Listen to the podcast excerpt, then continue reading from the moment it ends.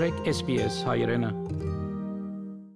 We finished another year dominated by the pandemic and the lockdowns. However, despite the difficulties, uh, the Armenian National Committee of Australia has continued its work representing in many aspects the Armenian Australian community. Uh, to discuss the year that was 2021 and the main events of the year, I have with me Mr. Haik Kayserian, Executive Director of the Armenian National Committee of Australia, to discuss uh, these topics further. Haik, welcome to SBS Armenian. Thank you, Vahe, for having us. Hi. During our first conversation in February of this year, uh, the prediction was that it was going to be a busy year for ANCA. Uh, despite the difficulties, restrictions, and the lockdowns, you haven't slowed down. How did you adjust uh, to the changing situation? Look, I think we can put it down to uh, the fact that we have so many young and energetic people that work in and around the Armenian National Committee of Australia and the fact that we had had one year of living in the pandemic, um, when lockdowns occurred, we had a system, a rhythm uh, that we were able to seamlessly go into and continue working. We had already moved a lot of our advocacy to electronic means in 2020. Therefore, 2021, when those opportunities came up that we needed to go back to that, we were able to. I think also the people we deal with in representation of the Armenian Australian community, be that the um, the politicians in Canberra, uh, different uh, you know representatives of government agencies and departments, or, or the media for that matter, they also had acclimatized to this um, new and, and, and, troubling reality that we all find ourselves in. Therefore, uh, the environment was such that we that we knew how to get things done after a year of experience and and I think we were very efficient in doing that. But I'll come back to the fact that working with young people, which is what the Armenian National Committee of Australia always prides itself on, and having so much young energy in our in our office, being able to to work with them uh, electronically and virtually uh, was was was not an issue. And when that transition to to the uh, to give us the ability to physically um, be present in Canberra or other places, they were also able to quickly pivot to that as well. So, um, you know, these are these are people that have been studying university, etc., electronically now for nearly two years. So it's uh, I think even easier for them than it is for us. Uh, during our first interview in February this year, I asked the question what was Australian government's position on Artsakh and the peace process. Now it's the end of the year. Does the federal government have any clear position on the issue? Definitely, there's been positive movement on this issue. I think on the genocide issue, but also Artsakh. Um, there's been substantial uh, changes to Australia's foreign policy in this in this stage, and in both of those cases, I would say it's it's leaning towards a better a reality for the Armenian side. And I'm not saying that because they've taken the Armenian side. It's because Australia, whose position on Artsakh probably favoured Azerbaijan, uh, according to any neutral observer of the, of the Nagorno-Karabakh conflict. They used to talk about, you know, only the, the issue of territorial integrity when calling on the sides to, to come together and, uh, and achieve peace. Uh, over the course of the last year, obviously brought about because of the the war and, and tragic losses that the Armenians suffered during the Nagorno-Karabakh War of 2020, Australia has moved its position towards neutrality. And that is a positive movement. It's on the right trajectory now. Australia does talk about the importance of the OSCE Minsk Group being the final arbiter or negotiate, negotiating platform for peace between Armenia, Azerbaijan, and Artsakh. It talks about all principles of the Helsinki Final Act as being the um, the issues that should be on that negotiation table. Therefore, it's not just about territorial integrity anymore, uh, which Azerbaijan feels only favours itself. Uh, Australia also highlights self-determination, which is very important for the for the indigenous Armenians of the Republic of Artsakh, and Australia also highlights um, the non-use of force. And the non-use of force, obviously, if it had been adhered to, we wouldn't have had the tragic losses that we had last year. Uh, so Australia's position has definitely been solidified. While Australia made similar announcements in the immediate aftermath of the war last year, um, this year it had several opportunities, be that in Senate estimates questioning, through correspondences with us or through representations made uh, to the Australian government by our friends in public office. Um, all the responses were that Australia's position is now one of consistency on Artsakh and that consistency is of neutrality for the OSCE Minsk Group for self-determination as well as non-use of force and territorial integrity. Uh, we do wish that Australia took further positions on this issue, though. Um, many countries that are allied with Australia, including the United States, um, France, and Canada, and others, uh, have made very clear uh, pronouncements to Azerbaijan to exit the territories of the Republic of Armenia, to return POWs, to stop the desecration of churches and, and, and cultural sites in the Republic of Artsakh. These statements have not been made publicly by Australia, although there have been hints and also private assertions that these representations are being made on a on a diplomatic level between Australia and Azerbaijan. Uh, but there are other countries that have made these declarations publicly, and we remain in demand of that from Australia. Staying on the Artsakh issue, could you talk about the Australian Friends of Artsakh network and what are the main priorities of the group? Sure. The Australian Friends of Artsakh network we established in 2019, and the goal was that we would um, uh, put together a group of uh, prominent Australians, not of Armenian heritage necessarily, mainly prominent Australians, those that are, are in politics now or have been in politics in the past, are in the media, um, are in academia, uh, community leaders, uh, religious leaders, etc., uh, and ask them to sign to become friends of a network that uh, stands for the rights to self-determination of the Armenians of, of Artsakh as the indigenous people of that of Nagorno-Karabakh. The reason that we wanted to get this group together, Vahe, is because uh, Nagorno-Karabakh issue, Artsakh issue, was a difficult one uh, to prosecute in a country that doesn't necessarily understand the dynamics of the South Caucasus. They know about the Armenian genocide because of decades. We realized back in 2019 we didn't have decades to educate and inform the Australian public on Nagorno-Karabakh. We needed to do it in a hurry.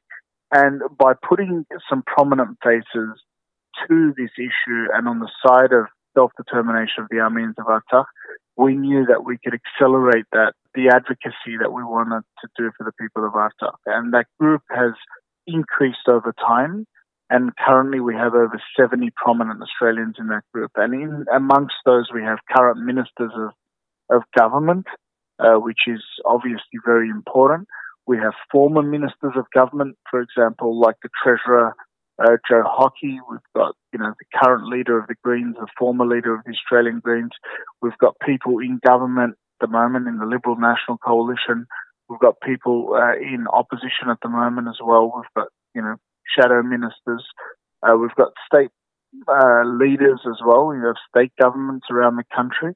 And uh, and also people in academia as well. I think when you put all of these people together, put their faces to the self determination of Artsakh as a right that Australians should stand up for, um, it, it augurs well. And, and it's directly contributed, of course, in being able to balance the narrative that is unfairly propagandized by the um, criminal regime of Azerbaijan. During the year, ANCA had appealed to the federal government for aid to Armenia. Any response yet? Uh, yes, we do have a response. I mean, it's something that remains on the table. It's not off the table. Uh, that appeal for aid was obviously considering uh, the immediate aftermath of the Artsakh war. Uh, we had highlighted the fact that we know that Australia doesn't always uh, provide aid to countries that are outside of its immediate, let's say, geography and neighbourhood. Uh, however, we highlighted the fact that Australia did provide aid to Lebanon after the Beirut blast, which it should have, and we feel Australia should have done the same thing after the Artsakh war, considering the situation that Armenia found itself in uh, with refugees, the POW situation, etc. We advanced those discussions with the Department of Foreign Affairs and Trade as well as the Ministry. Uh, we had a lot of people in public office write to uh, the Foreign Minister and the Department to try to advance that aid, and the Prime Minister as well, I should say. unfortunately, that aid hasn't been provided yet. We do have a framework under which we believe it, will, it should be provided and it might be acceptable to the Australian government to provide some assistance there. But you know, around the time we were asking for this, there was um, the breakout of COVID, the significant breakout of COVID in India, which is obviously geographically a bit closer to Australia. Um, and Australia did want to assist with that. There were a few Pacific issues in Fiji and PNG, which Australia needed to have its, um, you know, let's say limited foreign aid budget reach. Uh, but it remains on the table. It's just something that has been uh, deprioritized. We haven't stopped asking for it, and we're not going to give up on it. We believe that Australia should be assisting Armenia at this time of need, uh, particularly with regard to POWs through vehicles such as the International Committee of the Red Cross and, and other uh, facilitations that we are hoping to make on behalf of our uh, our people in the motherland. On several occasions, Armenian issues were raised in the federal parliament. Uh, what were the highlights? In the federal parliament, I think Artsakh was definitely the priority this year, as it was, you know, uh, for several years in the lead up to the Nagorno-Karabakh war. But you know, I think when when politicians in 2020 recognized that Armenians in Australia actually care about this Nagorno-Karabakh issue, um, it's not just the ANCAU knocking on our doors and telling us this is important to Armenian Australians in 2020, they witnessed it. They saw us marching. They saw us protesting. They saw us, you know, on social media and, and you know, in the, the mass media and making representations about this issue as uh, Artsakh was under attack. Politicians obviously saw that and recognized that this is important to Armenian Australians and therefore they started to raise this issue in Parliament and, and other pla- and other platforms that are available to them. You know, we had many occurrences, as you said, whether it was virtually or um, or physically, that there were representations and presentations made on this issue in Parliament. And I think everything that was designed to bring attention to what was happening in Artsakh, whether it was the POWs issue, desecration issue, the rights to self-determination issue, the ongoing occupation issue, uh, or also uh, the, the, the incursion that began earlier this year in Armenia proper, where Azerbaijan started to attack regions like Syunik and Gegharkunik and, and, and some of the most, uh, let's say, sovereign recognized borders of the Republic of Armenia. They were very quick to make representations to this end. Uh, one of the highlights for me was um, in September when we were celebrating the independence of Armenia as we do every year. There were uh, requests for some virtual messages from our friends in politics, and they came from, let's say, ministers all the way down to backbenchers, uh, government opposition, crossbench. Uh, we received a record number of those messages, and all of them uh, almost not only um, congratulated Armenia, they acknowledged what we had recently gone through. Uh, many of them talked about the Armenian genocide, uh, and almost all of them uh, called, you know, brought attention to the fact that Azerbaijan is currently invading bits of Armenia and the greater Armenian homeland, including Artsakh. Uh, I think that uh, when when I saw that in September, which was literally a year since um, no, the beginning of the war, I should say, last year, it showed how much uh, our information campaign and community advocacy grassroots efforts have have done in terms of informing our political leaders of what's important to Armenian Australians. Um, Haik, it was a difficult year, and on top, there is the situation in Armenia. And twice this year, you met with the ambassadors of several foreign countries. I presume the main topic of discussion was Armenia.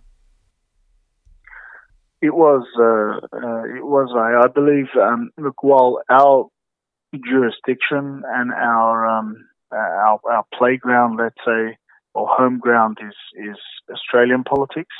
Um, our representation is of the Armenian Australian community.